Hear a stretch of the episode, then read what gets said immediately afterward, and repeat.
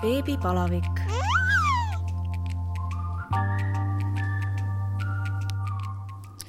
tere tulemast kuulama Õhtulehe podcasti Beebipalavik. mina olen saatejuht Katariina Toomemets ja täna on minu külaliseks unenõustaja Ketlin Reis. tere, Ketlin! tere, Katariina! Eh, Ketlin, sa oled eh, unenõustaja, aga kõigepealt eh, räägi endast natuke, kui palju sul lapsi on, kui vanad nad on ja kas sa tegeled lisaks unenõustamisele veel millegagi? Ja minul on lapsi koguni neli, kõige pisem neist on kolmene, siis on viiene, üheksane ja kõige vanem on siis üksteist.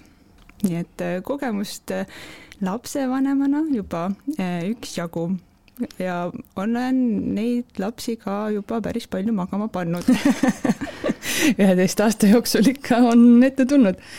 Ehm, milline oli sinu ehm, enda esimene kokkupuude siis äh, unenõustamise teemaga? no kohe ikka esimesest lapsest alates, et, ehm, et äh, ma arvan, et ta oli kuskil kolmekuune Eh, kui ma mäletan, et ma hüpitasin teda seal fitnesspallil ja ma teadsin, et ta on alati pooleteist tunni pealt magama jäänud ja ma hüpitan ja hüpitan ja noh, und ei saa ju vahele jätta, lapsel on und vaja. ja siis ma tund aega hüpitan seal ja siis ta võib-olla viieks minutiks su eh, suigatab ja siis lõpuks eh, ärkab ikkagi ülesse. et selline nagu pidev ainult lapse magama panek, et ähm, siis ma hakkasin juurde uurima, mäletan Facebooki mingist beebigrupist mm, -hmm. et need on siiamaani populaarsed, on ju et sealt äh, siis tuli see selline esimene info, et ahah, mingisugune süsteem on nende unedega või et mingid unevajadused ja midagi sellist, et me peaks kuidagi midagi eraldi tegema, et lapsel oleks hea magada, nii et äh, sealt see pihta hakkas. kas sa siis äh, pöördusid ise unenõustaja poole, oli sel ajal see Eestis üldse teemaks või, või populaarne, et mulle tundub, et see on pigem noh, viimaste aastate teema või, või kuidas sa siis hakkasid oma lapse unega tegelema? Eh, ma ausalt öeldes aastaid ei teadnud, et selline amet nagu unenõustaja on olemas. olid, on ju, raamatud, et minu juurde jõudiski selline äh, Daisy Halli Päästke meie uniraamat, mis on selline nii-öelda, tänapäeval me siis nagu teame, et see on selline hardcore unekooli mm -hmm. raamat, et aga ma võtsin sealt kõik selle, mis mind tollel hetkel toetas. ma kohe nägin, et ahah, see iseseisev magama jäämine, see ei ole nagu meie jaoks praegu oluline, aga et vot millal neid unesid ajastada, kuidas seda magamiskeskkonda soodsamaks luua, et tegelikult äh, sellest juba täitsa piisas, et sain lapse magama lõpuks. ja teise lapse tulekuks olid sa siis juba mm, mitte küll professionaal, aga, aga selles mõttes juba kogenud ja, ja ka nii-öelda book smart selles osas no teise lapsega ma mäletan, kuna esimene oli selline tundlik laps, et kui uus laps sündis, et siis selline nut mõte ja kaootilisus seal päevas nagu hästi ärevaks ajaks, ajas esimest last mm. -hmm. ja, ja see mind nagu hästi toetas, et ma sain seda teise lapse päeva ka niimoodi nagu planeerida. ma kuidagi nagu teadsin, mis sealt tulemas on, ma sain seda oma suuremale lapsele öelda. nii, nüüd me lähme õue, beebi magab. Ehm, tuleme tuppa, siis beebi ärkab üles, et seda nuttu oli vähem, ma sain ehm, selle järgmise beebiga ka rohkem nagu tema vajadusi niimoodi katta, et ta ei peaks kogu aeg nutuga sellest märku andma mm, -hmm. et mis tal nüüd vaja on, et see väga toetas just seda vanemat last, jah. millal sa ise mõtlesid, et, et tahaks äh, võib-olla teisi aidata või, äh, või unenõustajaks äh, saada? et kas see oli pigem, õppisid sa unenõustajaks seepärast, et, et just oma lapsi paremini toetada või oli ikkagi seal taga mõte, et, et tahaks teisi aidata? Eh, pigem see oli teiste aitamise eh, soov, ehk eh, see tuli seal kuskil kolmanda lapsega kodus olles.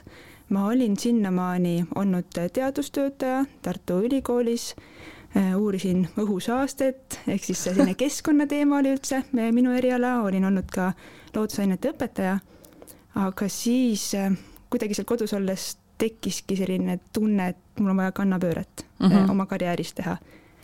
ja ja kuidagi see äh, uneteema, kuna see oli aktuaalne just seal beebiga kodus olles, et siis me, tekkiski see taipamine, et hmm, see on nagu alati mulle huvi pakkunud, mul olid Exceli tabelid, millal beebisid magama panna, missugune on seal riietus, mis temperatuuriga, ma olin nagu fanaatiline. iga lapse jaoks oli ja oma süsteem, et täpselt selline päevakava, kõik oli väga nagu rangelt paigas ja mm -hmm. see toetas mind, on ju, see ei pea nii olema, aga see toetas mind ja jah, et see fanatism siis ähm, kandus edasi karjääriks kui kaua aega tagasi see oli?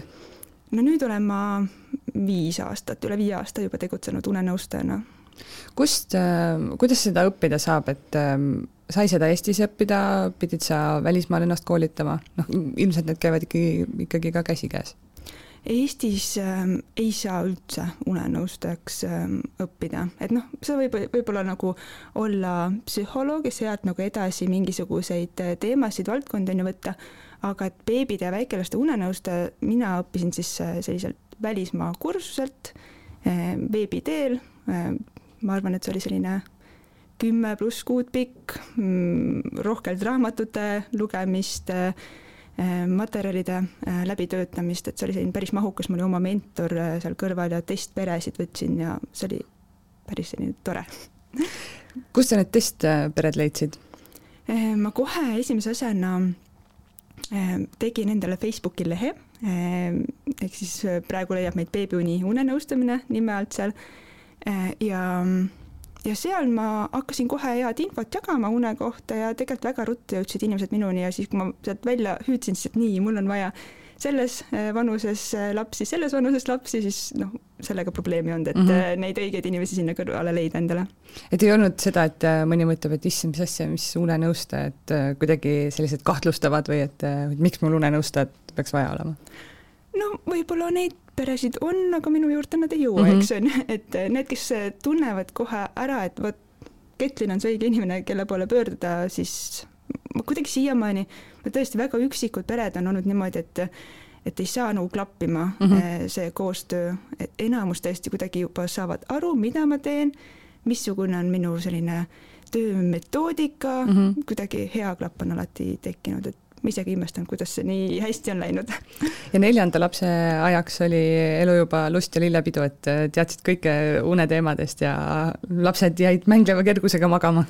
mul tegelikult lapsed on olnud head magajad, et tõesti noh, arvestades, millega me nagu kokku puutume siin äh, igapäevaselt unenõustamises, siis äh, ma ütleks, et minu lapsed on kõik head magajad mm -hmm. olnud, et kui see esimene äh, kolmekuune seal välja arvata, et siis edaspidi pigem ma olen jah osanud nagu nende vajadustega arvestada ja ma ei ütle, et nad siis on, ma ei tea, beebi, beebist, beebiajast alates terve öö maganud, nii et nad ei vaja üldse mingit tuge mm, -hmm. aga et kui ma seda tuge pakun, ma ei tea, kaks-kolm korda ja, ja siis ta magabki rahulikult edasi, on ju, mhm. et ähm, et see on nagu see normaalne uni, et seada nagu realistlikud ootused ka, et missugune on üldse see hästi magav beebi, on ju no praeguseks äh, beebiuni äh, unenõustaja siis äh, firmas eh, sa enam üksi ei tegutse, sul on mm, -hmm. kui palju sul lisaks seal veel unenõustajaid on? ja mul on üks unenõustaja, lisaks ta just tuli ise sellist lapsehoolduspuhkuselt siis tagasi ja on jälle peresid vastu võtmas, nii et kahekesi tegutseme.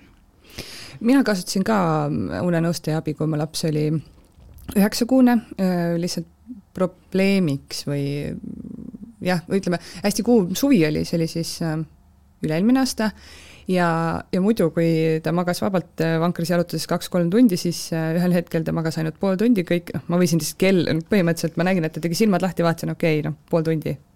ja, ja nii oligi.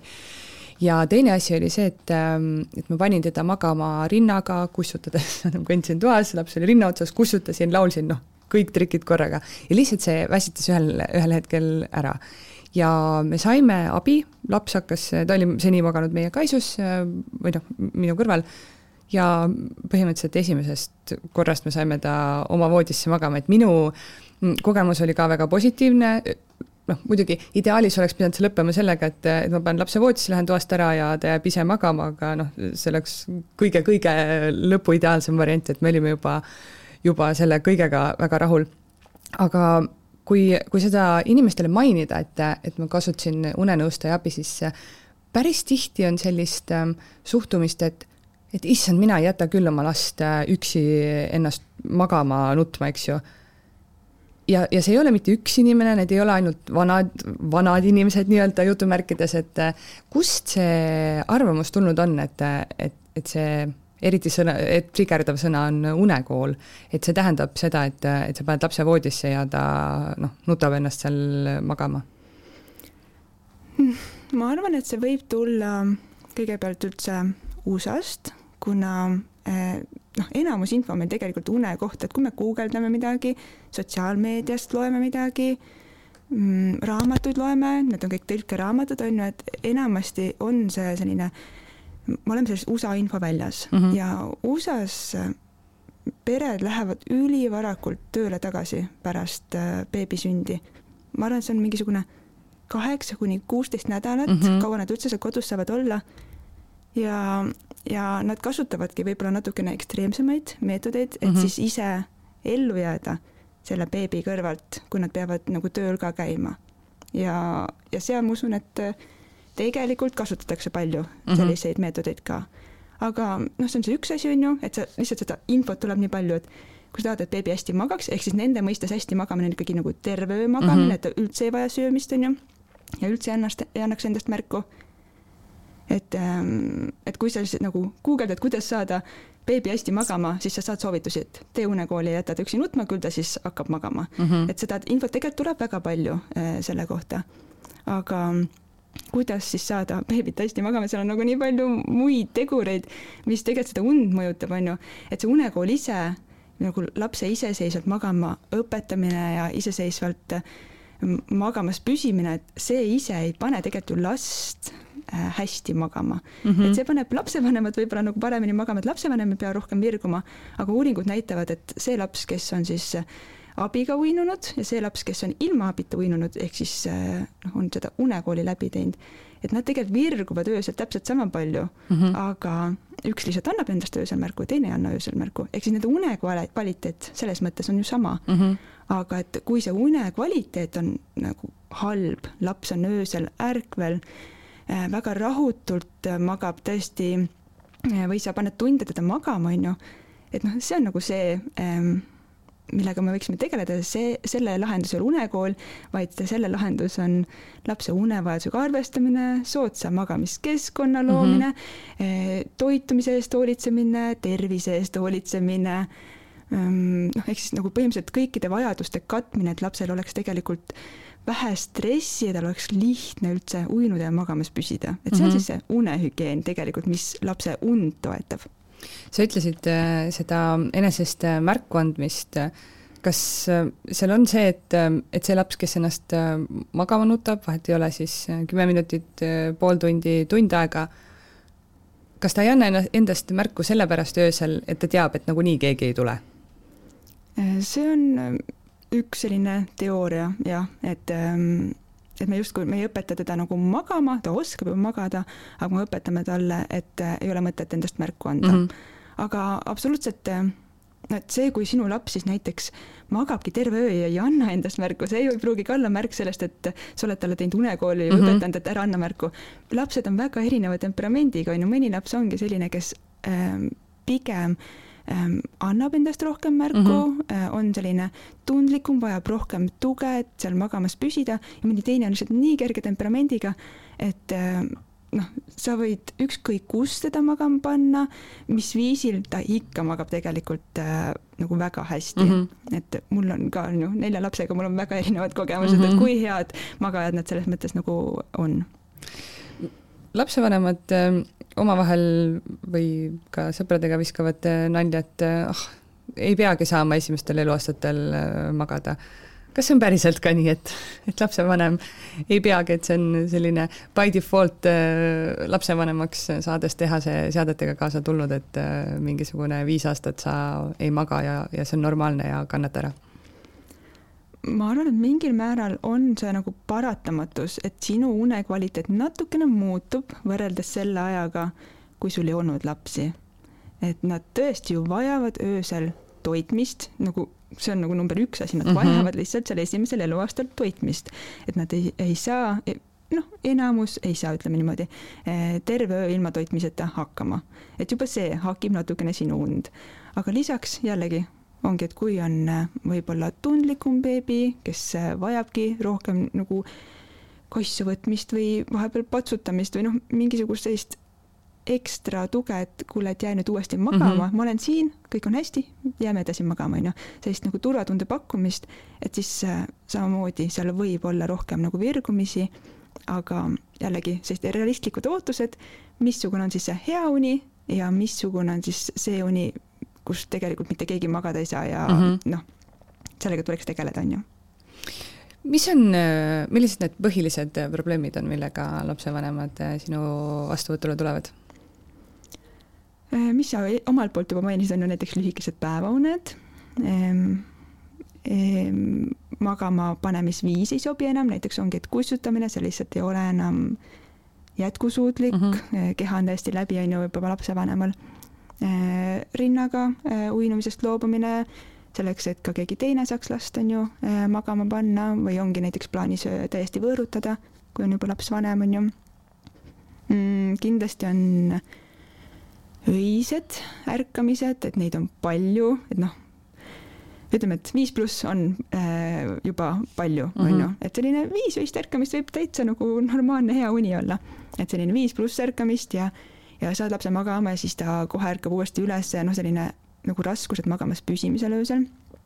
Ehm, kui on siis laps juba vanem, ütleme selline pigem aastakanti, siis nad ähm, võib-olla tahaksid juba öistest toitmistest täiesti loobuda mm. -hmm. ja jah, toas unede harjutamine, mõnikord ka vankris unede harjutamine, nüüd kui just äh, seda ei ole üldse õnnestunud äh, lapsega saavutada, et siis jah, sellised teemad kuidas need nõustamised tavaliselt äh, kulgevad, et kas pigem annab tooni see, et, et saab juba sellise näiteks ühe, ühe vastu, ühe siis korraga äh, nagu korda või, või pigem ikkagi tuleb äh, pikemalt töötada? hästi oleneb äh, pere eesmärkidest ja probleemist üldse, on ju mm, -hmm. et mhm. kui on probleemiks see, et laps uinub äh, kaua ja võib-olla väga nutuselt, siis suure tõenäosusega selle me saame kiiresti korda, ehk siis sellised uinumise probleemid või öösel ärkvel püsimine, hommikul vara ärkamine, et need on sellised nagu lihtsad juhtumid mm, -hmm. mille puhul enamasti ei ole nagu sellist pikaajalist tuge vaja. Kõige rohkem ma ütlekski, et just need ööuned, et äh, seal nagu aru saada, et mis ähm, last toetaks, et tal oleks lihtne magamas püsida, et seal on võib-olla nagu pikemat tuge vaja.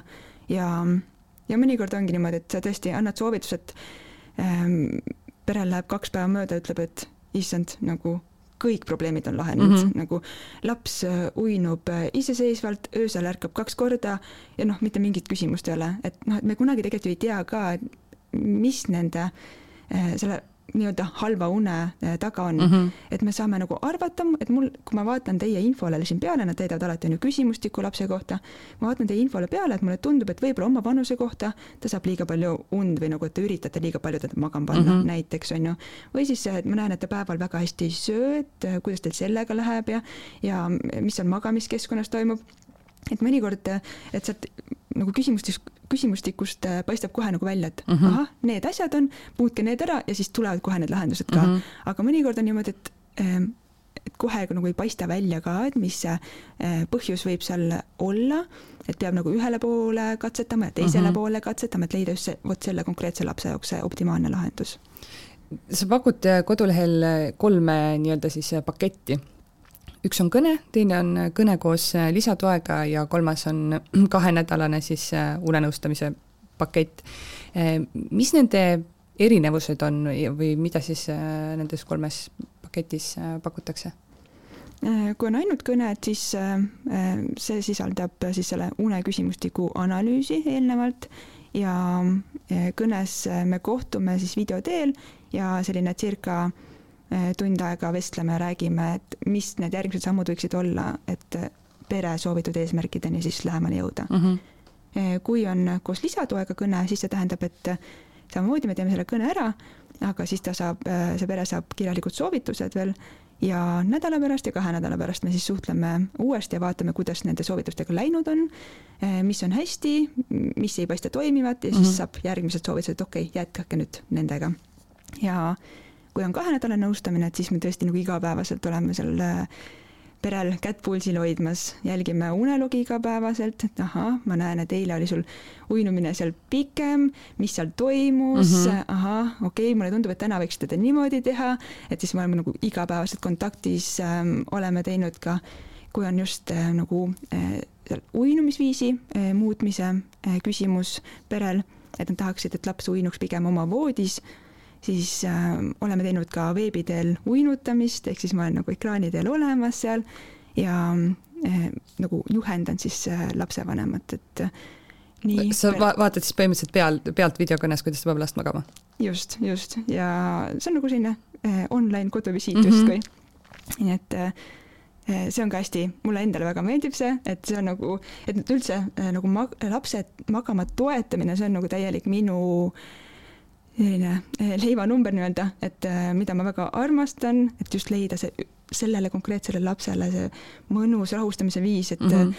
noh, ongi, et kui see üks äärmus on see unekool, on ju, et sa jätad lapse sinna voodisse ja noh, kohtume kümne minuti pärast mm, -hmm. aga teine on siis see, et oota, seal on liiga palju nuttu, võta sülle, rahusta, nüüd pane voodisse või siis, et oota, ma nägin, et kui sa ta käest kinni hoidsid, siis ta rahunes mm, -hmm. ära lase seda kätt lahti, on ju, et ma märkan neid märguandeid seal lapsel, mis teda siis äh, nagu toetaks mm. -hmm mida võib-olla lapsevanem ise ei äh, pruugi märgata, sest noh, kui laps nutab, siis sa oled ju ka ise ärev ja, ja siis sa ei pruugi aru saada, et, et vaata, nüüd läks nuttu natuke vähemaks, kui ma tal käest kinni hoidsin, eks. ja, ja üsna sage on see, et jällegi, kuna seda unekooli infot levib nii palju, lapsevanemad lausa nagu kardavad toe pakkumist mm, -hmm. et oota, ma pean nüüd tubli olema, pean vastu pidama ja seda mm -hmm. nuttu nüüd natukene kannatama, aga siis nagu alati see ei ole nagu parim lahendus, et see ajab ainult lapse rohkem hüsteeriasse ja tegelikult seal ei ole nagu seda rahunemist mhm. tulemas mm. -hmm. jah, tundub kuidagi see, et, et kui me nüüd hakkame õpetama teda magama, et siis äh, kuidagi see patsutamine võib viia jälle sinna, et ma jäängi teda patsutama, eks ju seda ma ka nagu jällegi, kui me mõtleme selle unekooli mõiste peale, et see on nagu minu arust see kõige suurem komistuskivi või või stressor lapsevanematele, et äh, okei okay,, võib-olla sa sätid kõik need magamiskeskkonna kõik nagu soodsaks ja laps uinubki niimoodi, et sa paned ta sinna voodisse, tuled toast ära, uinub iseseisvalt mm -hmm. ja võib-olla ei ole nagu üldse suurt nuttu, super. aga ühel hetkel võib-olla tema unevajadus muutub ähm,, ma ei tea ähm,, haigus hakkab tulema või siis ähm, hambad, mis iganes. ja miski nagu segab teda, on ju ja tal on raske maha rahuneda ja sa ei julge talle tuge pakkuda mm, -hmm. sest et sulle öeldakse, et kui ta juba iseseisvalt uinub ja sa talle uuesti tuge pakud, siis ta jälle nagu on sinust sõltuv mm. -hmm. tagasilangus nii-öelda, eks ju. just, et ähm, mäletan äh, teise lapsega ähm,, siis ma otsustasin selle raamatu järgi unekooli teha sest ma ise olin endale nagu jalga lasknud sellega, et ma kõikidele sõpradele soovitasin, et nii hea raamat on mm. -hmm. et mina võtsin sealt enda jaoks esimese lapse puhul küll nagu head soovitused, aga teised siis hakkasid ka unekooli tegema, siis nad ütlesid, et see unekool on nii hea asi ja siis ma selle nagu mõjutusega otsustasin ka teisele lapsele teha unekooli ja siis ma just mäletangi neid mingeid kordi, kus tegelikult päevakava enam ei toiminud, aga noh, ma ei saanud teda rahustada, sest et mm -hmm ma, ma ei osanudki, ma ei osanudki teda rahustada, sest ta on, ta oli alati ilma toeta nagu magama mm -hmm. jäänud jah, mina mõtlen ka seda, et äh, siiamaani ma tegelikult ütlen, et, et meie laps magab väga hästi ja siis tuleb mingi selline öö, kus no lihtsalt üldse ei maga ja keegi ei saa magada ja siis mõtled, et no mis nüüd juhtus, et kas see on mingi ma ei tea, aasta hiljem tuli mingi eri, eriti hull tagasilangus, aga tegelikult ongi see, et äh, ma ei tea, mis iganes, jääbki haigeks, hambad, palav on, noh miljon põhjust võib olla ja siis ülejärgmine öö on jälle kõik, kõik rahulik ja siis mõtled, et ei, ta tegelikult ikka magab ju väga hästi. kas, ähm, kas unenõustaja on ähm, selles mõttes äh, võluvits, et äh, sellega saab äh, kohe kõik korda, lapsevanem ise põhimõtteliselt midagi tegema ei pea? või ikkagi noh, lapsevanem teeb, teeb ikkagi ise suurema töö seal ära ja, ja unenõustaja annab soovitusi ja unen- äh,, kindlasti on nagu neid äh, unenõustajaid ka, kes tulevadki sul koju ja teevad selle asja ära, on ju, nii-öelda, et ma tean, et äh, näiteks Soomes ja Austraalias on reaalselt sellised kliinikud, kus sa viid lapse äh, unekooliks kohale wow. nädalavahetuseks, nad noh, siis nad teevadki reaalselt seda unekooli, on ju, ja siis sa saad sealt see koolitatud lapse tagasi mm. -hmm. et see on nagu päris äärmuslik variant, aga pigem ikkagi unenõustaja on see, kes seal kõrval nagu toetab, jälgib ja no lapsevanemal on ikka väga suur töö teha. Kui paljud äh, lapsevanemad võib-olla tulevad ähm, selle mõttega, et äh, et okei okay,, et äh, tahan nüüd unenõustajat kasutada, aga siis pärast võib-olla avastavad, et aa, et ma pean ise nii palju tegema, et siis maksan siin rasket raha ja, ja nüüd pean ise nagu nii palju vaeva nägema ma ei ole seda üldse kogenud, et võib-olla nad mõnikord ootavad kiiremaid tulemusi -hmm. on ju, ja me alati ei leia lihtsalt nii kiireid äh, lahendusi ja, ja lapsevanem on ju väsinud, ta tahab mm -hmm. und saada, et siis äh, kohe. ja, ja, ja meil kõigil on und vaja, on ju, et siis ähm, noh, seda ma ka alati nagu hästi julgustan seal nõustamises, et olge hästi avatud, et nagu, et kui teil hakkab mm -hmm. endal jaks otsa saama, paistab, et miski ei toimi, et nagu, et leiaks siis need lahendused, okei okay,, kui ta, laps praegu ei maga, hästi, me tegeleme sellega, aga et kuidas sina ikkagi seal kõrval veel ellu jääksid mm, -hmm. kas meil on äh, vaja ähm, partneri abi kasutada äh,, mingeid vahetusi teha, et mis see nagu enda jaoks jätkusuutlik viis oleks, kuni me siis äh, lapse unega tegeleme.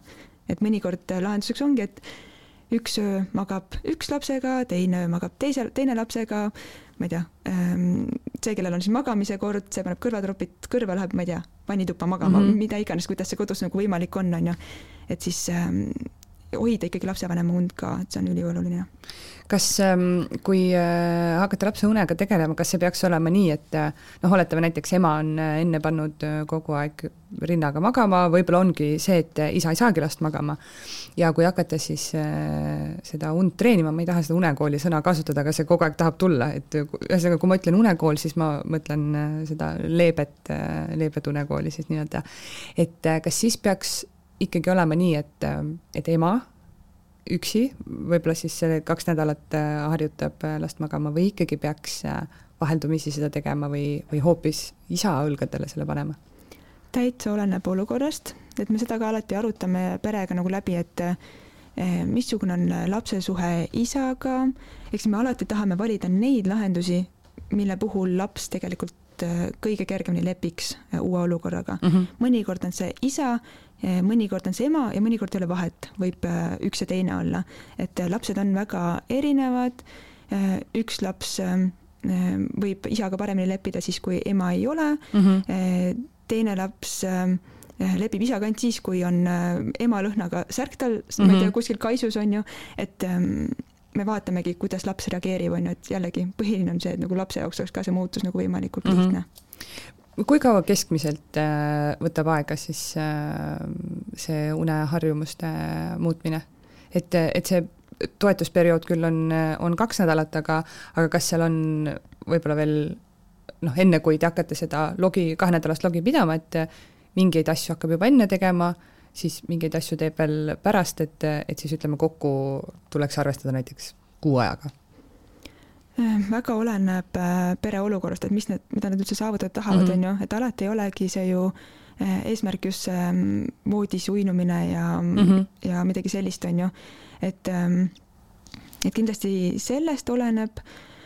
Mm, ma arvan, et kõige kiiremad tulemused tulevad siis, kui ongi nii-öelda keskmine laps, keskmiste mm -hmm. vajadustega, on ju, et me enam-vähem kujutame ette, mida tal vaja võiks olla ja siis me näeme ka äh, kiireid äh, tulemusi, et pigem sellest kahest nädalast piisab mm, -hmm. et ähm, muudatus ellu viia.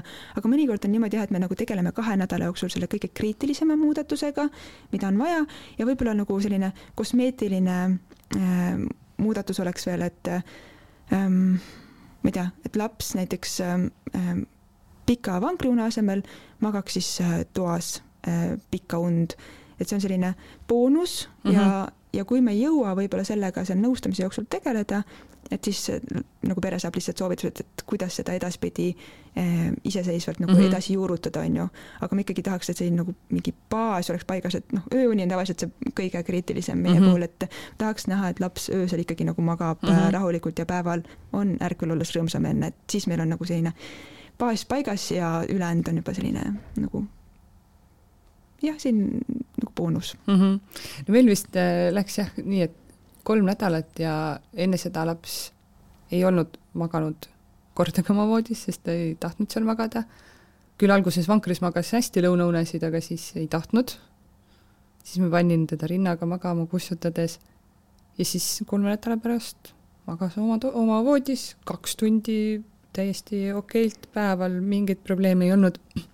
ja siis äh, me veel muretsesime selle pärast, et, et äh, me läksime reisile vist äh, mingisugune nädal pärast selle, seda toetusperioodi lõppu ja siis ma nii muretsesin, et okei okay,, et nüüd äkki lennujaamas ta magab kõhukotis ja, ja noh, me jõuame nii hilja sinna ja siis uh, uus keskkond, et äkki nüüd kõik läheb tuksi, et kas ma võin teda sinna kõhukotti panna ja mis ma nüüd teen ja äkki me tuleme tagasi, me peame kõike nullist alustama. Noh, reaalsus oli see, et me panime ta seal hotellis sinna reisivoodisse, ta magas ikka oma kahetunniseid unesid seal ja noh, kuidagi hästi paanitsesid üle ja siis ma tookord veel küsisin oma unenõustajalt ka, et, et mis on nüüd, kas kas ma võin teda, noh, kas ta võib mul magada seal kõhukotis või, või kus iganes, ta ütles, et noh, kõik hetkest, hetkeolukorrast lähtuvalt, et, et ei pea üldse üle muretsema, et võib juhtuda, et kõik läheb hoopis palju paremini, kui sa, kui sa mõtled, eks ju. et kui palju vanemad eh, sinu käest ka selliseid asju küsivad, et kas võib olla, et ma nüüd rikun millegagi ära, lähen kodust ära, et, et mis siis teha? ja, ja see on äh, väga teemaks ja mõnikord äh, käiaksegi reisil ära ja tullaksegi äh, selle olukorraga tagasi, et mm -hmm. kuule, me oleme nullis oma näiteks öiste toitmistega on ju, et mm -hmm. jõudsid mingi kahe-öise toitmiseni ja nüüd on iga kahe tunni tagant äh, tagasi. Hästi, siis hakkategi nullist uuesti pihta, et te teate, mida teha, on ju. et, äh, et see on ka okei okay,, aga jah, suure tõenäosusega sul on kerge temperamendiga laps, kes siis kohanebki ka uutes keskkondades äh, hästi, on ju, mhm. et pigem nendel ongi oluline, et noh, arvestage enam-vähem minu unevajadusega, küll ma siis magan mm, -hmm. et ähm, jah, see peredel võib see nagu kogemus väga äh, erinev olla, et ma nagu ei kardaks neid nii-öelda tagasilööke mm, on ju, et äh, lapsed äh, arenevad äh,, neil tulevad erinevad arenguhüpped, on täpselt on ju need hambad, haigused ja mm -hmm. nii mhm. edasi, et küll neid tagasilööke tuleb, aga põhimõtteliselt tead nagu, kuidas siis äh, oma selle ideaalini uuesti tagasi jõuda mm. -hmm kas tavaliselt toimivad samad trikid, et võtad ikkagi sellesama nii-öelda õpetuse ette ja, ja saab uuesti samade nippidega korda? Just, et see, see baas jääb ikkagi nagu samaks mm, -hmm. just, et kui sa oled juba mingid toimivad lahendused enda lapse puhul on ju leidnud, et see võib erinevate laste puhul erinevalt mm -hmm. välja näha, aga et äh, see, mis oma lapsega juba toimib, saate sedasama nagu uuesti juurutada. vastsündinud ainult äh, söövad ja magavad esimesed mingi kuu aega, pärast seda juba nad hakkavad ringi uudistama. mis hetkel ähm, peaks hakkama jälgima seda, et kui palju, mitu und ta teeb, kui pikalt ta magab ja üldse kuidagi hakkama mõtlema, et, et okei okay,, päris kogu aeg võib-olla ei peaks laskma magada? ma kuna ma kujutan ette ka, et äh, praegu siin äh, kuulajad on ju ja ka äh, minu jälgijad näiteks Instagramis on ju, ähm, seal on erinevaid peresid, seal mm -hmm. on mhm. neid, kellel on uneprobleemid ja need, kellel ei ole uneprobleeme, on ju, et siis ma ähm, ehk siis ma saan aru, et unenõustaja võiks ju jagada seda, neid soovitusi, mis on vajalikud nendele peredele Eh, kellel on uneprobleemid, aga reaalsuses ma ei taha ka nendes teistes peredes tekitada ärevust, et nad teevad midagi valesti mm, -hmm. kui neil tegelikult on mingi asi juba toimimas. ehk ähm, ma alati vaatakski last, kui teil kõik toimib, jumala eest, ärge näppige neid unesid mm, -hmm. te ei pea mitte midagi tegema, aga suure tõenäosusega, kui on mingisugused väljakutsed magama jäämisega või magamas püsimisega, et siis me jah, peame seda äh, päeva öö ja päeva tasakaalu nagu seal sättima mm -hmm. ja, ja see võib olla noh, ütleme tavaliselt äh, meie juurde jõutaksegi seal kuskilt teisest elukuust alates, et siis see unevajadus muutub ja, ja siis me tavaliselt äh, noh, esimene samm on alati see, et laps võiks ärgata hommikul enam-vähem samal ajal mm, -hmm. et ei oleks nagu väga suurt variatiivsust seal, mõnikord kell seitse, mõnikord kell kümme on ju mm. -hmm et see võiks, see enamasti toetab nii magama jäämist kui ka magamas püsimist ja jah, ja mõni laps tegelikult saab ka kenasti hakkama väga pikkade päevaunedega ja ööune mm -hmm. jääb ikkagi kenasti, on ju, aga kohe, kui me näeme, et nii, täna ta magas pikemalt ja me nägime, et ööune jäämine sellepärast oli nagu keerulisem, hästi, siis me piiramegi, et me ikkagi eh, prioritiseerime seda, et ööuni oleks võimalikult kvaliteetne. ehk siis kohe, kui ööuni hakkab äh kannatama, siis, äh, siis tuleks päeval põhimõtteliselt teha muudatusi. et siis on nagu näha, et nüüd on õige aeg see üle vaadata. just, et äh, põhiline ongi see, et see arusaam, et see, mis toimub öösel, see on suure tõenäosusega päeva tagajärg juba, Mhm. on ju, et me ei, see, me ei saa enam seal öösel väga midagi teha lapse heaks, kui ta siis näiteks kell üks öösel ärkvel püsib või, et me peame seda hommikust alates äh, tegema hakkama mm. -hmm. et ta tahaks öösel mõnusasti magamas püsida. selle, tuli siia üks vaheküsimus, et eh, kas on nii, et mida kauem sa last õhtul üleval hoiad, seda kauem ta hommikul magab? Äh, võib-olla mõne lapse puhul et ähm, jah, on ju soovitusi, et äh, ära lase lapsel üle väsida ja, ja siis mõni pere jõuabki meie juurde sellepärast, et ta paneb liiga tihti last magama mm -hmm. ja Mhm. siis sellepärast laps ei maga ja siis on ka seal neid teisi olukordi on ju, kus hoitakse hästi pikalt last ärkvel ja sellepärast ta öösel just magab kehvemini, et äh, õhtuks on tema kortisoli tase siis nii kõrge, ehk siis ta on stressihormoon on nii kõrge üleväsimusest, et ta öösel hakkab hästi tihti ärkama mm. -hmm. nii et seal on nagu kaks erinevat võimalust, et tahakski leida sellist nagu kuldset keskteed ja sellepärast äh, ongi nii oluline neid just päevaunesid nagu optimeerida Mm -hmm. kui pikalt täpselt nad võiksid olla ja kui pikad need ärkvelolekud nende unede vahel võiksid olla ja mitu und ja nii edasi, et et see kõik äh, toetab rahulikku ööund. mis on enam-vähem see aeg, kus äh, laps peaks minema siis äh, kolmelt unelt kahele, kahelt ühele ja, ja mis hetkel keskmine laps on valmis äh, üldse loobuma lõunaunest? Äh, kolmelt kahele minnakse, oli see esimene küsimus, on ju mm? -hmm. et kolmelt kahele minnakse, ütleme seal circa kaheksa-kuusena. mõni läheb natukene varem, mõni läheb natukene hiljem. üks minu lastest läks viiekuusena, ehk siis ma natuke toon lihtsalt näidet siin ja mul on nõustamises olnud ka pere, kes läheb aastasena kahele unele üle mm. -hmm. ehk siis see vari-, variatiivsus võib tegelikult suur olla, kui laps ei anna märku, et jällegi see päevakava ei sobi talle mm. -hmm et siis me ei pea seda sellepärast muutma hakkama, et ma nägin internetis soovitust, et mm -hmm. seitsmekuune peaks olema kahe une peal, on ju. et me kindlasti ei tee nagu eh, nende järgi neid muudatusi, vaid ikkagi lapse järgi. enamasti see märk on, et eh, kolmandasse unne jäämine lihtsalt ei õnnestu enam mm. -hmm. või siis, kui õnnestub, siis ööunne jäämine on väga keeruline või siis ööuni on hästi hakitud. laps kipub öösel ärkvel jääma või hommikul vara üles ärkama mm. -hmm et, et see on nagu siis võib-olla nagu põhjus, miks proovida seal päevakavas midagi teistmoodi teha. ühe une peale minnakse üle tavaliselt pärast aastaseks saamist. et siis on märguandeks tavaliselt see, et esimesse unne jäämine pärast seal kolm, kolm pool tundi ärkvel olemist lihtsalt ei õnnestu. et mis on nagu nii-öelda sage probleem on see, et esimene uni veel õnnestub väga kenasti ja laps magabki seal poolteist tundi või kaks tundi isegi ja siis see teine uni lihtsalt ei mahu enam väga hästi päeva ja siis mm -hmm. kiputakse seal kümne-üheteist kuu kanti juba arvama, et laps võiks olla valmis ühe une peale üle minema. aga siis me tihtipeale näeme, et võib-olla alguses laps saab hakkama selle ühe unega, aga varsti ikkagi nagu üleväsimus kuhjub, ta ei jaksa nii pikalt mm -hmm. ärkvel püsida ja siis see ööuni tegelikult muutub nagu kehvemaks. et kui te näete, et just seal päevakava muudatustega uni läheb kehvemaks, pärast seda on ju näiteks läksite kolmelt unelt kahele, kahelt unelt ühele ja siis järsku see ööuni läheb kehvemaks, et noh, suur tõenäosus on, et äkki võiks veel sinna vana kava peale tagasi proovida minna, et kasvõi need uinakud teha pigem nagu lühemad mm, -hmm. aga et hoida veel neid uinakuid.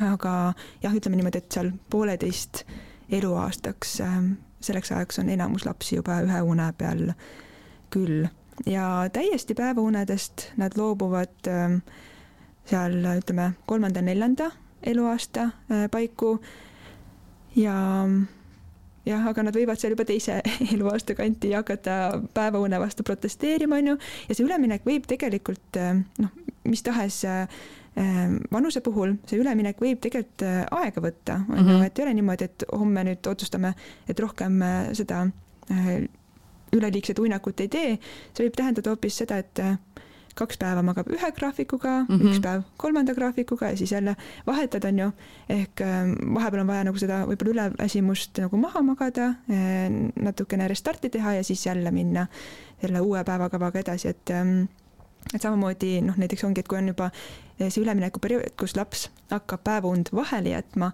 et siis võib-olla mõni päev lihtsalt puhkab, teetegi pooletunnise sellise raamatu vaatamise, on ju, ja sellest turgutusest võib talle piisata, et õhtuni vastu pidada, aga siis mõni teine kord, kui te seda turgutust teete, siis vaatad, lihtsalt vajub ära sul see raamatut mm -hmm. lugedes on ju, et et ta lihtsalt iga päev ei pruugi nagu hakkama saada.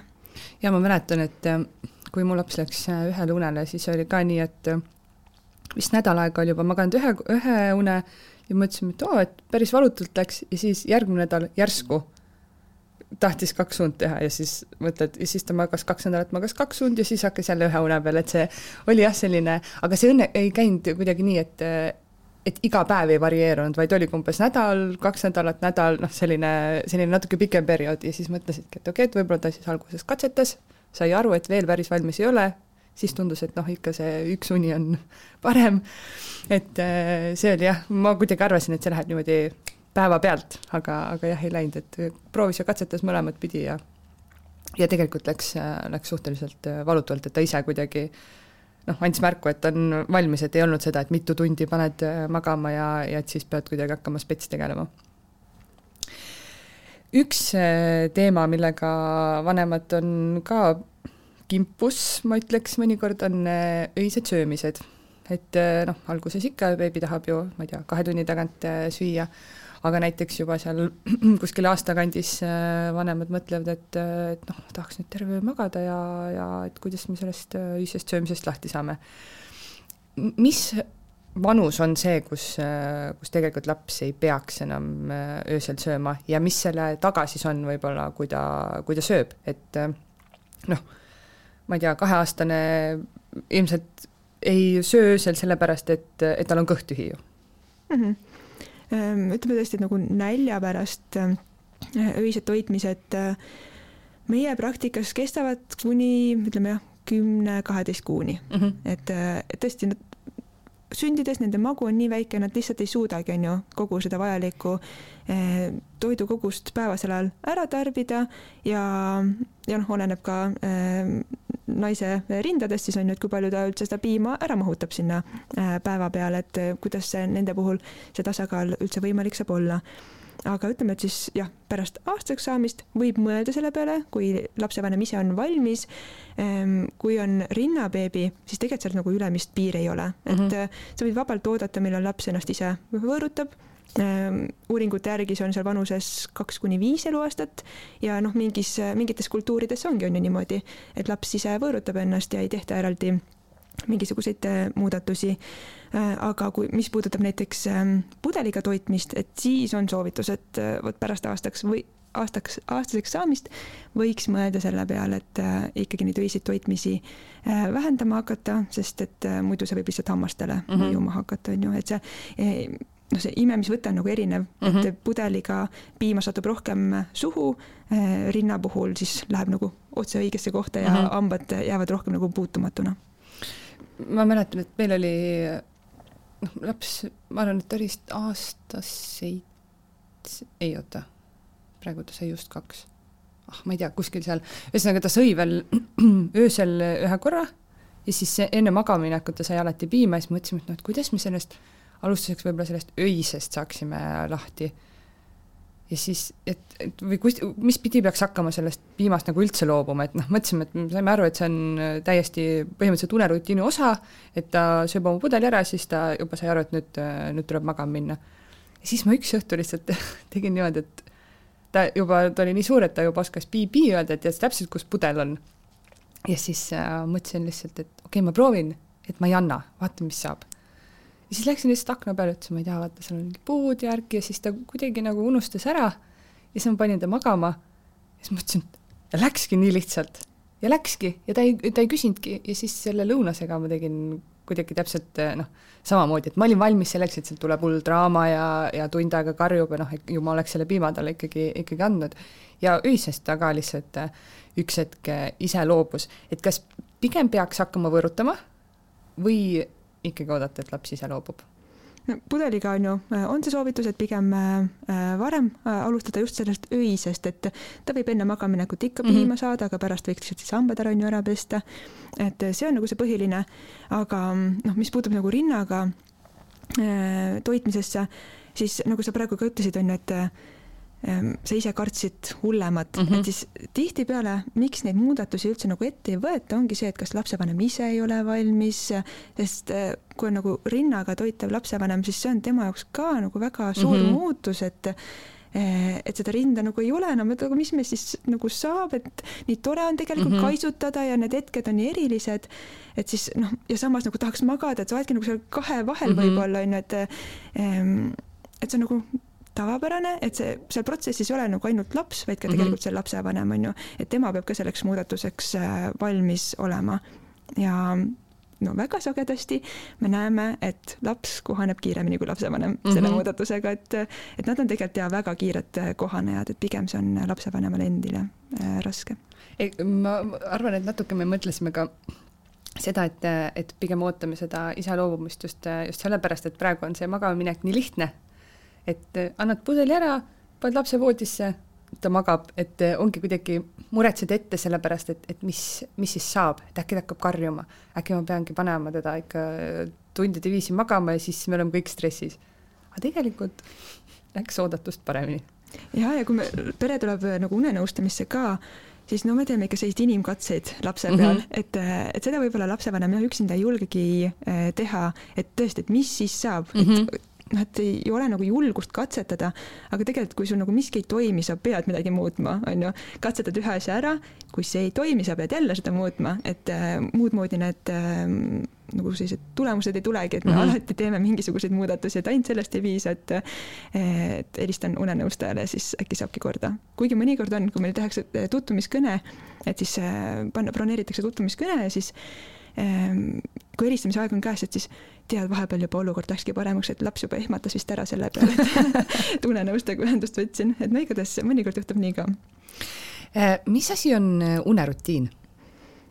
Äh, see on ähm, tegevus, mida sa teed lapse aktiivse ähm, sellise ärkveloleku ja voodisse mineku vahel. ehk sa aitad lapsel äh, lapse kehal siis äh, uneks ette valmistada ennast.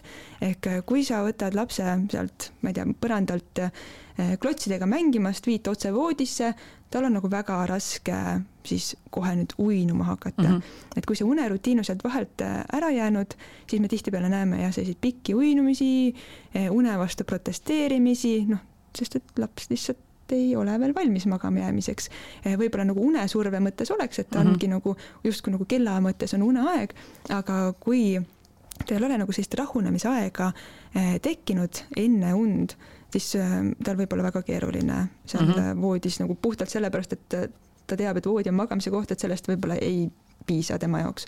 et siis seal võiks olla selline rahulik tegevus ehm, hästi nagu kontakti loomine äh, lapsega, et äh, mitte lihtsalt, et noh, laps loe nüüd üksinda raamatuid, vaid et see võikski olla siis see hetk, kus me nüüd nagu kokku tuleme lapsega, mhm. on ju, et mm, ma, mina panen oma ekraanid ära näiteks on ju, et lapsevanem ka nagu panustab sellesse, et ma olen kohal mm -hmm. ja, ja näiteks äh, vaat-, paneme koos mänguasjad ära, ähm, vaatame koos mingeid pilte, laulan unelaulu, teen mingit massaaži, olen nagu hästi lapsega koos ja üritan temaga kontakti saada, et mõned lapsevanemad ütlevadki, et no ma ei saa, ta on nagu mingisugune pöörane, äh, möllab, tahab hüpata, käputada voodis ringi, et siis äh, me tahame tegelikult sellest olekust teda nagu välja saada mm, -hmm. et see möllamine kõik võiks seal ärkveloleku ajas ära olla, aga nüüd enne magaminekut tahaks jõuda nüüd selleni, et kus äh, sa saad lapsega ühendust ja mm -hmm. ta hakkab maha rahunema, et oleks lihtne uinuda kui mu laps beebi oli, siis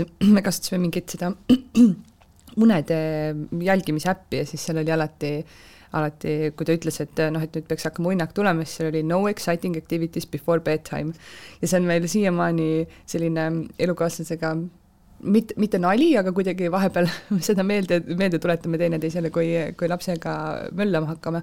aga kas selle unerutiinis on nagu noh, kõik, kõik lapsed ei ole ju keskmised, eks ju, et kas seal on selliseid õigeid või valesid valikuid, et mulle tundub, et mõnikord olenevalt päevast äh, näiteks äh, minu laps äh, võib täiesti vabalt nii, et, et ta ühel hetkel jookseb toas edasi-tagasi, siis ta läheb voodisse ja noh, siis ta tahab küll võib-olla jutustada või ta tahab, et ma laulan talle või, või temaga räägin, aga noh, ja siis ta hakkabki uinuma, et selles mõttes seda nagu probleemi kuidagi ei ole, et ta seal voodis veel nagu pöörane on ja, ja võib-olla teie puhul ongi juba mingisugused mikrotegevused, mida te teete, on ju, et noh, näiteks varem oli see piim, on ju mm, -hmm. ja siis me lähme, käime potil näiteks selle kaheaastasega ära ja, siis jutustamegi, et see ei pea ju olema selline tundidepikkune mm -hmm. unerutiin, vaid mingid väiksed mikrotegevused, tegevused võivad olla juba piisavad, et laps saab aru, me oleme juba, ma ei tea, aastaid neid asju teinud mm, -hmm. ma tean, et me lähme nüüd magama ja, ja ma olen nagu valmis selleks mm, -hmm. et, et see ei pea olema tõesti nagu, et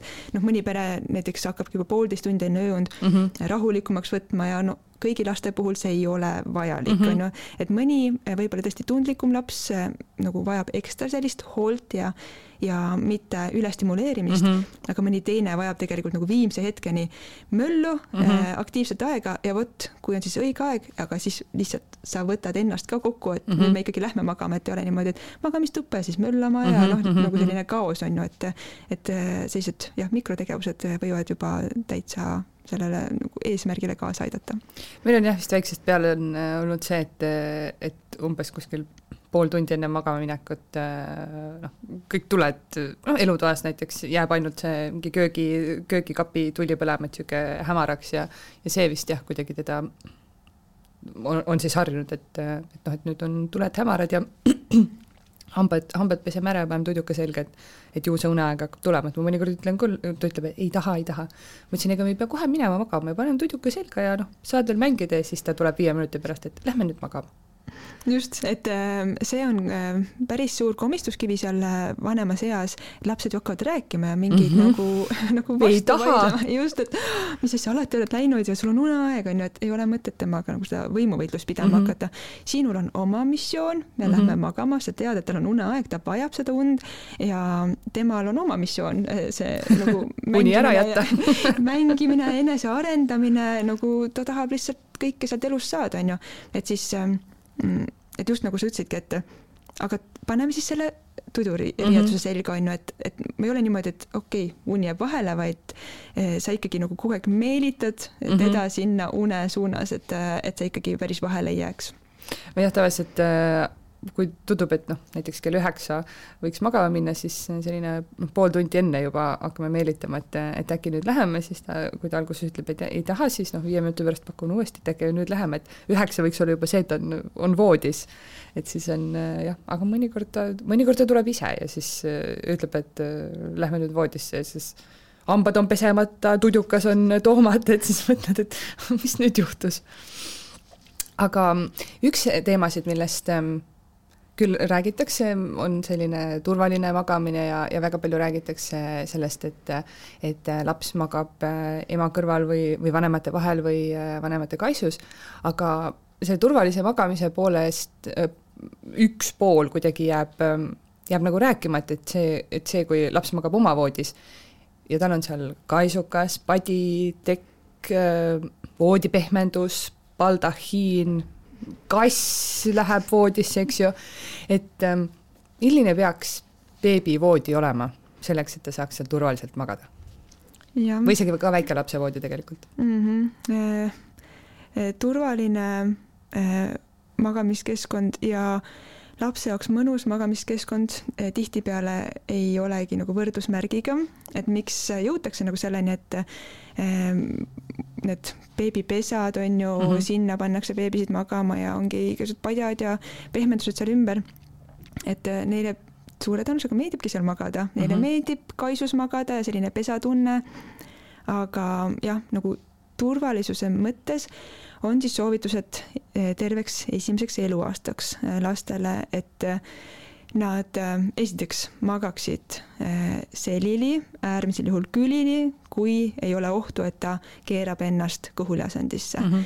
ehk äh, selline hällisurma riski äh, vähendamiseks on siis need äh, juhised antud ja mm, siis on jah, et see hällisurma risk suureneb, kui laps magab kõhuli, kui ta ei ole nagu laps, lapsevanema siis nagu vaateulatuses, on ju, et mhm. mitte nagu üksinda teda jätta ööseks ka, kus ise magad, on ju. kui ta sul magab äh, päeval endal kõhu peal, ähm, beebipesas seal keset elutuba, on ju, äh, noh, räägime ju vastsündinutest mm -hmm. näiteks, et siis on okei okay,, sa näed teda, on ju, aga et niimoodi üksinda kõhuli magama jätta ei, äh, ei tohiks, kui laps ennast ise sinna veel keerata ei oska mm. -hmm. ehk siis selline, no ütleme, poolel esimesel eluaastal oleneb lapse arengust, on ju, kui kiiresti ta seda tegema hakkab. ja eh, lisaks siis eh, võiks see magamiskeskkond olla võimalikult puhas igasugustest liigsetest asjadest, et juhul, kui ta ikkagi satub sinna küülili asendisse, kõhuli asendisse, kus ta ennast võib-olla nii hästi veel kaitsta ei oska, sest et ta, ta lihtsalt ei ole arenguliselt veel selleks valmis -hmm. on ju ehm, et siis see magamiskeskkond oleks võimalikult turvaline ka äh, kõhuli sattudes, ei oleks neid patju, tekke, voodipehmendusi, et need on nagu potentsiaalne risk, et ähm, laps ei saa nii hästi hingata mm. -hmm. hingamist ta keerab ennast nägupidi sinna sisse, eks ju. just ja, ja siis me tegelikult tahaks, et see magamiskeskkond oleks superpuhas, äh, ehk siis teki asemel ma väga soovitan kasutada magamiskotti, see mm -hmm. püsib mõnusasti ümber äh, lapse keha ja hoiab nagu keha soojana ka, on ju. ja patja, tekki üldse võib kasutusele võtta seal noh, ütleme pärast esimest eluaastat mm, -hmm padjaga võiks viivitada isegi teise eluaastani, et noh, et kui laps just otseselt ei küsi, siis ei ole nagu põhjust seda mm -hmm. äh, sinna magamiskeskkonda tekitada ka nii et ja noh, voodipehmendused mõnd-, mõndades kohtades on need üldse ära keelatud. Ehm, see beebipesa, sinna on ka kirjutatud, et äh, kui sa selle ostad, et tegelikult on lausa nagu juhised olemas, et äh, et ärge jätke last sinna üksinda magama mm. -hmm. et see et, ei ole voodi? just, just. ja turvahäll tegelikult on ka selline koht, äh, kus me tahaks alati, et oleks näha, kui beebi magab mm. -hmm et siis noh, just jällegi vastsündinu eas nende pea võib sinna rinnale niimoodi vajuda mm, -hmm. et ta ei saa hästi hingata. nii et need on nagu sellised põhilised soovitused mm,. suitsetamine on väga suur äh, hällisurmariski ähm, tekitaja nagu jah, et äh, kui on peres suitsetavad inimesed, et siis magamiskeskkond peaks nagu super-super äh, puhas olema. pärast sealt esimest poolt eluaastat noh, suure tõenäosusega laps on juba üsna võimekas, on ju, ja saab kenasti ka ohtlikumates olukordades hakkama, aga just see esimene esimene pool eluaastat on nagu kõige mm -hmm. kriitilisem, kolmas-neljas elukuu, seal on nagu selline riskitõus, see ongi hetk, kus lapsed hakkavad ennast kõhuli keerama mm -hmm. või rohkem nagu üritama, aga veel tegelikult ei ole piisavalt võimekad, et seal kõhuli äh, hakkama saada mm. -hmm. mäletan, kui, kui ma nägin esimest korda, et äh, mu laps kõhuli magab, siis äh, kohe tuli meelde kõik need hullud stsenaariumid ja, ja aga siis ma mõtlesin, et aga mina ise magan ka ju kõhuli. et tegelikult noh, tegelikult ma sain aru, et et ta ilmselt kuidagi kogemata sattus sinna, aga, aga jah, siis mingil hetkel, kui, kui ma juba sain aru, et oskab ennast ise ilusti kõhuli ja tagasi keerata, et, et siis võis nagu maha rahuneda ja see võib, ongi, tegelikult äh, lapsevanemad on üsna teadlikud äh, nendest äh, riskidest, et tihtipeale küsitaksegi, et kas ta võib ikka kõhuli magada, kas ta võib ikka mm, -hmm. et pigem ollakse nagu ettevaatlikumad mm -hmm. minu hinnangul, et ähm, jah, et mingist vanusest ikkagi, kui nad juba oskavad kenasti sinna keerata ja sul ongi täiesti sile, puhas pind, et siis sa võid nagu julgelt lasta tal nagu harjutada ka seal kõhuli olemist. magamiskotiga, kas seal on ka selline äh, nii-öelda võõrutamise moment et noh, mõni minu laps näiteks magas ainult noh, mähkme veel ja, ja ta magas päris kaua ikka, mingisugune pooleteistaastasena ta veel magas, isegi natuke rohkem. kasutasime veel magamiskotti ja siis, kui tuli aktuaalseks ähm, lasteaeda minek, siis noh, millalgi suvel me mõtlesime, et et võib-olla lasteaeda ei, ei lähe magamiskotiga või noh, ma ei, ma ei teadnud.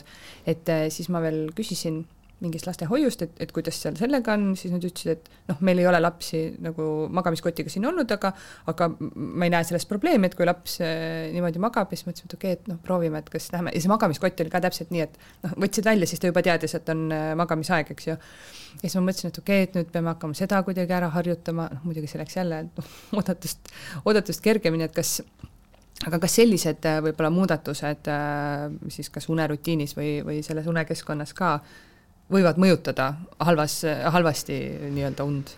ja, ja kindlasti võivad, aga jällegi julgelt katseta mm, -hmm. vaata, kuidas läheb, on ju, et ähm, ma ise mäletan oma viimase lapsega, kui ta oli aastane, oli ka kuumalaine, on ju, ja meil oli seal, ma ei tea, kakskümmend seitse pluss kraadi toas ja võtsin magamiskotti ära, no see oli täielik katastroof mm, -hmm. et äh, aastasena ta ei olnud selleks valmis, kogu aeg ta ärkas üles, läks rändama ja noh, nagu hullumeelne oli öösel.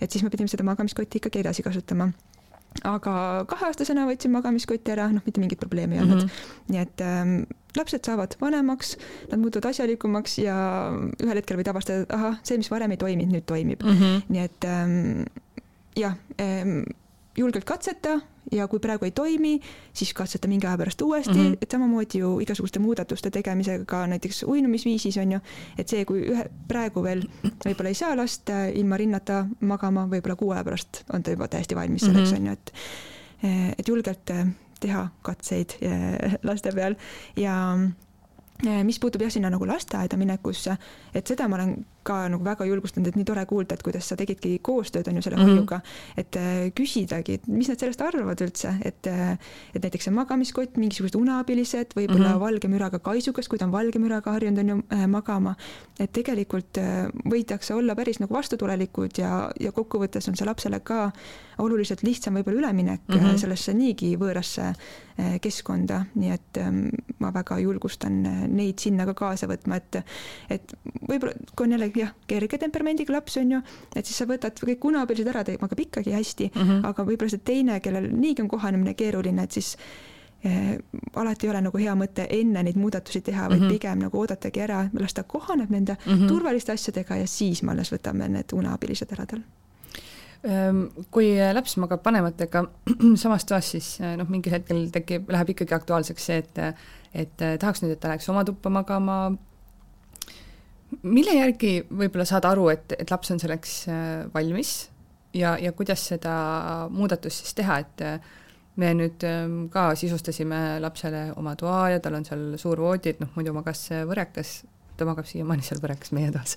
et äh, ta ütleb, et ta ei taha sinna suure poisi voodisse magama minna, et tema tahab oma voodisse minna, et noh, me jätsime, alguses me mõtlesime, et noh, viskame selle võreka minema, aga siis alguses mõtlesime, et okei okay,, või pärast mõtlesime, et noh, igaks juhuks jätame ikkagi veel äh, oma tuppa. kas me oleks pidanud kõigepealt kolima selle voodi, äh, võrevoodi teise tuppa, oleks me pidanud selle üldse välja viskama? Või, või kuidas, äh, kas me tegime midagi valesti?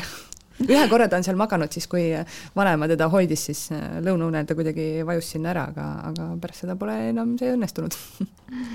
Ja oma tuppa kolimisega, noh, ainuke äh, reegel on see, või noh, nii-öelda keegi ei tule sult äh, äh, lapsevanema õigusi ära võtma, on ju, et aga et soovitus siis ikkagi on see, et esimesel poolel eluaastal võiks mm -hmm. beebi magada koos lapsevanematega just turvalisuse ähm, nagu põhjustel on ju, et, et sa ise kuuleksid mm, -hmm. näeksid, oleksid nagu ähm, seal kompamisulatuses lapsel, et sa saaksid aru, et kuidas tal seal oma voodis läheb, on ju. Mhm.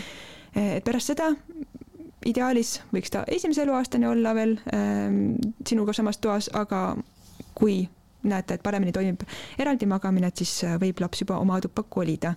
ja mina tavaliselt olen soovitanud oodata, millal laps enam öösel ei söö, et noh, sul on endal võib-olla lihtsam mm -hmm. seda muudatust äh, teha, et sa pead sinna teise tuppa siis minema teda toitma et võib-olla sellel hetkel nagu mõelda eh, oma toas magamise peale ja noh, ongi, et kui laps muidu magab eh, terve öö, et siis ma ütleks, et eh, siis ongi võib-olla hea aeg selle peale mõelda.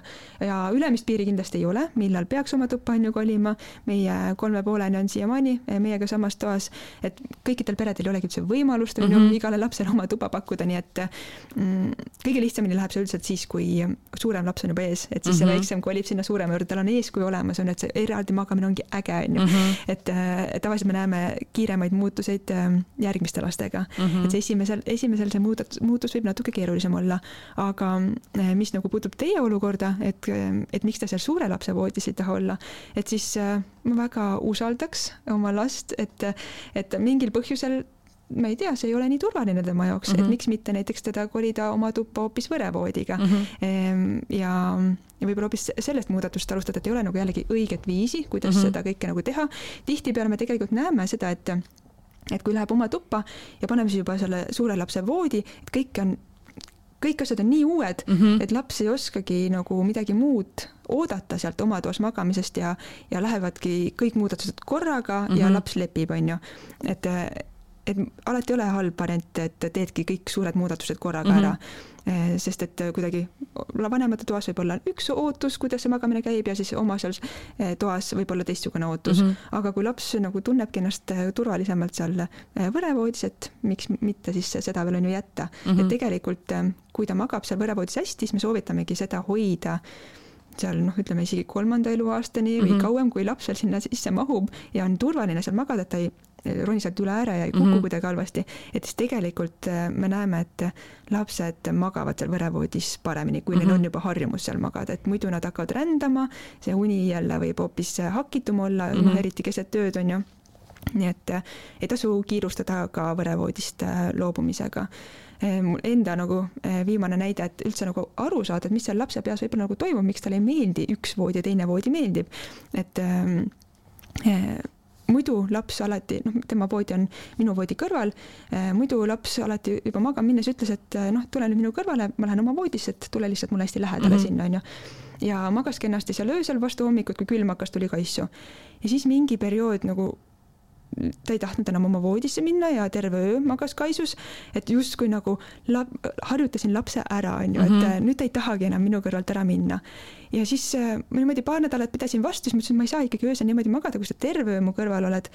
Äh, ja siis nagu hakkasin temaga lõpuks arutama, et oota, miks sa siis sinna oma voodisse ei taha minna, et ma ei olnud seda üldse küsinudki ta käest. ta ütles, et seal on kõva ja nüüd, ja siis ma nagu äh, hakkasime seda madratsit siis välja vahetama tema jaoks ja siis ma sain aru, et miks tal järsku kõva oli. ma olin madratsi teistpidi keeranud, mhm. sellepärast et tal tuli ükskord piss voodisse ja üks madratsi pool on kõva ja teine mm -hmm. on mhm. pehme. see on nagu vau et ähm, et seal on tavaliselt nagu mingi päris mm -hmm. põhjus on ju taga, et mida me ka beebide puhul näiteks teeme. Äh, me võtame näiteks selle võrevoodi lina kaisu emale mõneks mm -hmm. sööks, on ju, et, et anda neid lõhnasid näiteks sinna võrevoodisse mm -hmm. juurde, et et seal päriselt võibki teistsugune olla see magamine, et ei ole päris niimoodi, et kui ta sinu voodis oskab magada, siis ta oskab ka võrevoodis mm -hmm. magada, et ei, et tal ongi seal väga võõras, et kuidas me saaksime seda üleminekut tema jaoks lihtsamaks teha, et seal uues kohas oleks tal ka võimalikult tuttav ja mm -hmm. mõnus magada. see tuletab meelde, et ma ka mõni nädal tagasi keerasin äh, madratsi teistpidi veepudel lekkis voodisse, võib-olla peaks ka tagasi igaks juhuks keerama, kuigi mingit otsest probleemi pole olnud, aga tõesti, see on hea, hea kuidagi mm, hea point, et, et noh, aga küsiks lapse käest, eks. Siis kuidagi eeldad, et, et noh, et tal on mingi emmekas, emmekas hoog on peal, aga tegelikult noh, laps ütleb, et madrats on kõva ja siis sul tuleb meelde, et aa noh, tõesti võib olla kõva, et ise, ise ka ei taha ju kõva, kõvas voodis magada, et Äh, sa kirjutasid oma Instagramis äh, hiljuti, et äh, enamasti mahuvad ähm, teie siis kliendid, lapsed keskmistesse raamidesse, aga on ka väga äärmuslikke juhtumeid. mis need äärmuslikud juhtumid on? no kõige mm, suurem mõjutaja tavaliselt on lapse unevajadus, et kui me sellele nagu pihta ei saa, siis ähm, kui ta ei jää nagu sinna keskmistesse, et siis meil on nagu, siis me näeme üldiselt seda, et laps on päevasel ajal viril, väga raske on teda magama saada, öösel ärkab ka, nutukab kordi ja kordi ja, ja siis ongi küsimus, et kuhu poole me nüüd liikuma hakkame mm. -hmm kas me pakume talle rohkem und või me peame just tema und ära võtma, et see vajab rohkem sellist äh, katsetamist, on ju, et noh, et kas me lähme nüüd õiges suunas või mitte. et noh, muidugi kui laps on kunagi hästi maganud, et siis me saame nagu selle põhjal hinnata, et kui palju ta seal võib-olla, ma ei tea, kolmekuusena magas, et hiljuti just oligi nõustamises äh, hästi suure äh, unevajadusega laps, kes ema ütleski, et äh, kolmekuusena ta magas kakskümmend kaks tundi ööpäevas. Vau, vau, lihtsalt vau. Ja, ja siis ta seal vist oli laps kuskil üheksakuune nüüd ja ta üritas siis nagu äh, unenõustaja soovitusi järgida, on ju, eh, teise unenõustaja soovitusi ja ka, ja ka selliseid ähm, äpi soovitusi on ju järgida mm, -hmm. et kuidagi sellega und korda saada ja noh, laps oli täiesti katki, noh, ta ei mahtunud sinna, on ju, nendesse äh, raamidesse ja, ja siis ma julgustasingi emale, et kuule, et ta on tegelikult suure unevajadusega laps on ju olnud, et, äh, et pane lihtsalt nagu väiksemate ärkvelolekutega teda magama mm -hmm. ja siis nädal aega hiljem ütles, et lihtsalt tal on nagu ära vahetatud laps, ta on nii rõõmus, ta sööb nii hästi mm, -hmm. öösel ärkab üks kord, noh, ideaalne on ju, et äh, et see unevajadus ähm, on nagu sellega arvestamine on oluline, aga jah, ähm, on ka siis selliseid äärmuslikke mm, nagu selliseid lapsi, kes väga vähe vajavad und ja nende puhul ongi selline endal nagu kripeldab sees, et kas ta magab äh, vähese unega nagu natukene paremini sellepärast, et et tal ongi äh, väiksem unevajadus või on tegelikult tal mingisugune terviseprobleem mm, -hmm. mis segab seda rahulikku und ja ta suudab nagu hästi magada ainult siis, kui me oleme lihtsalt nagu selle unesurve nii tugevaks ajanud mm, -hmm. et ainult siis tal on lihtne nagu magamas püsida. et see on ka selline et mõnikord ja me suunamegi peresid, on ju, eh, perearstile, et näiteks mingeid vereproove võtta, et vaadata, et et ei oleks mingit ainepuudust, et tegelikult B kaksteist on eh, põhiline, mida kõik lapsevanemad vist oskavad öelda, et või, või lähevad küsima kohe, kui, kui lapse, laps ei maga hästi.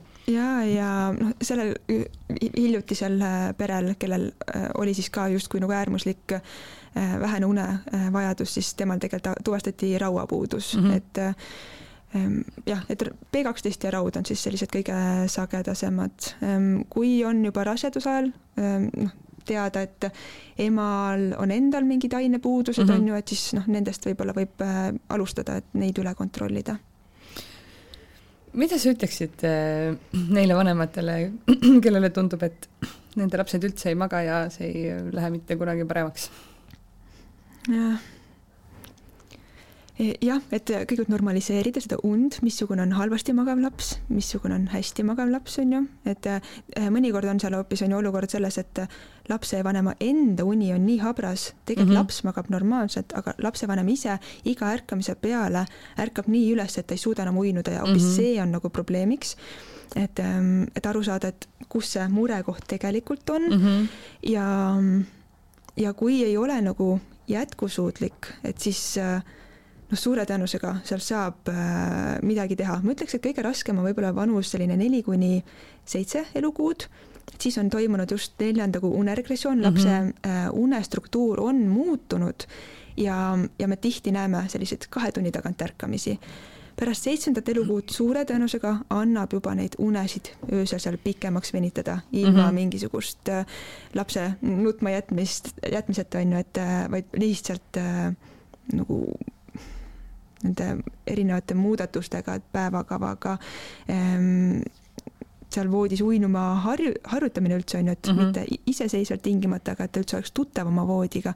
et kõik sellised asjad, et Mm, et pärast äh, seitsmendat, kaheksandat elukuud, kui ikka tundub täiesti nagu katastroofiline, mitte keegi ei maga, et noh, suure tõenäosusega midagi annab äh, teha, et ma ei saa kunagi anda sada protsenti garantiid, missugune see tulemus on äh, pärast nõustamist, sest et noh, ongi, temperamendid on, on ju erinevad, aga et seal on erinevus, et missugune on see päriselt nagu halvasti magav laps, kes mm -hmm. nagu öösel lihtsalt ei maga, vähkleb ja püsib ärkvel, versus et ta ärkab seal öösel, ma ei tea kolm-neli korda siis on ju, et kolm-neli korda, see on nagu super, tublid olete, et äh, sellega võib rahule jääda, aga et kui seal on ikkagi väga palju ärkamisi ja, ja keegi magada ei saa, et siis äh, jah, otsida abi, et just hiljuti oli ka üks äh, pere, kus ema oli tegelikult oma üheteistkuusega juba noh, täiesti läbi, ta ainult kussutas teda, on ju, ja siis tema enda ema ütles, et kuule, et sul on vaja nagu mm -hmm. tuge leida. et ära karda ka abi otsida.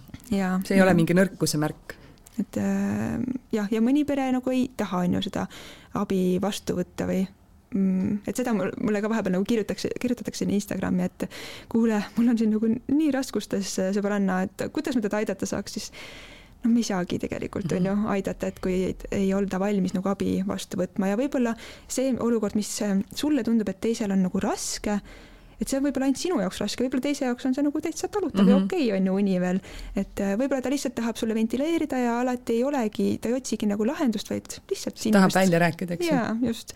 et äh, inimesed on nii erinevad aga kui sa ise isiklikult tunned, et äh, oleks muutust vaja, siis ähm, jah, siis suure tõenäosusega äh, on võimalik nagu midagi ära teha, et kõik paremini magada saaksid Ketlin, aitäh sulle tulemast, väga põnev oli, oli äh, laste unest rääkida, see on, mulle tundub, et äh, see on selline valdkond, mis äh, nagu Tallinna linn ei saa kunagi valmis ja, ja seal on lihtsalt nii palju eri, eri, erinevusi, erisusi, et, et mis ühe lapsega toimib, see teise lapsega ei pruugi absoluutselt toimida.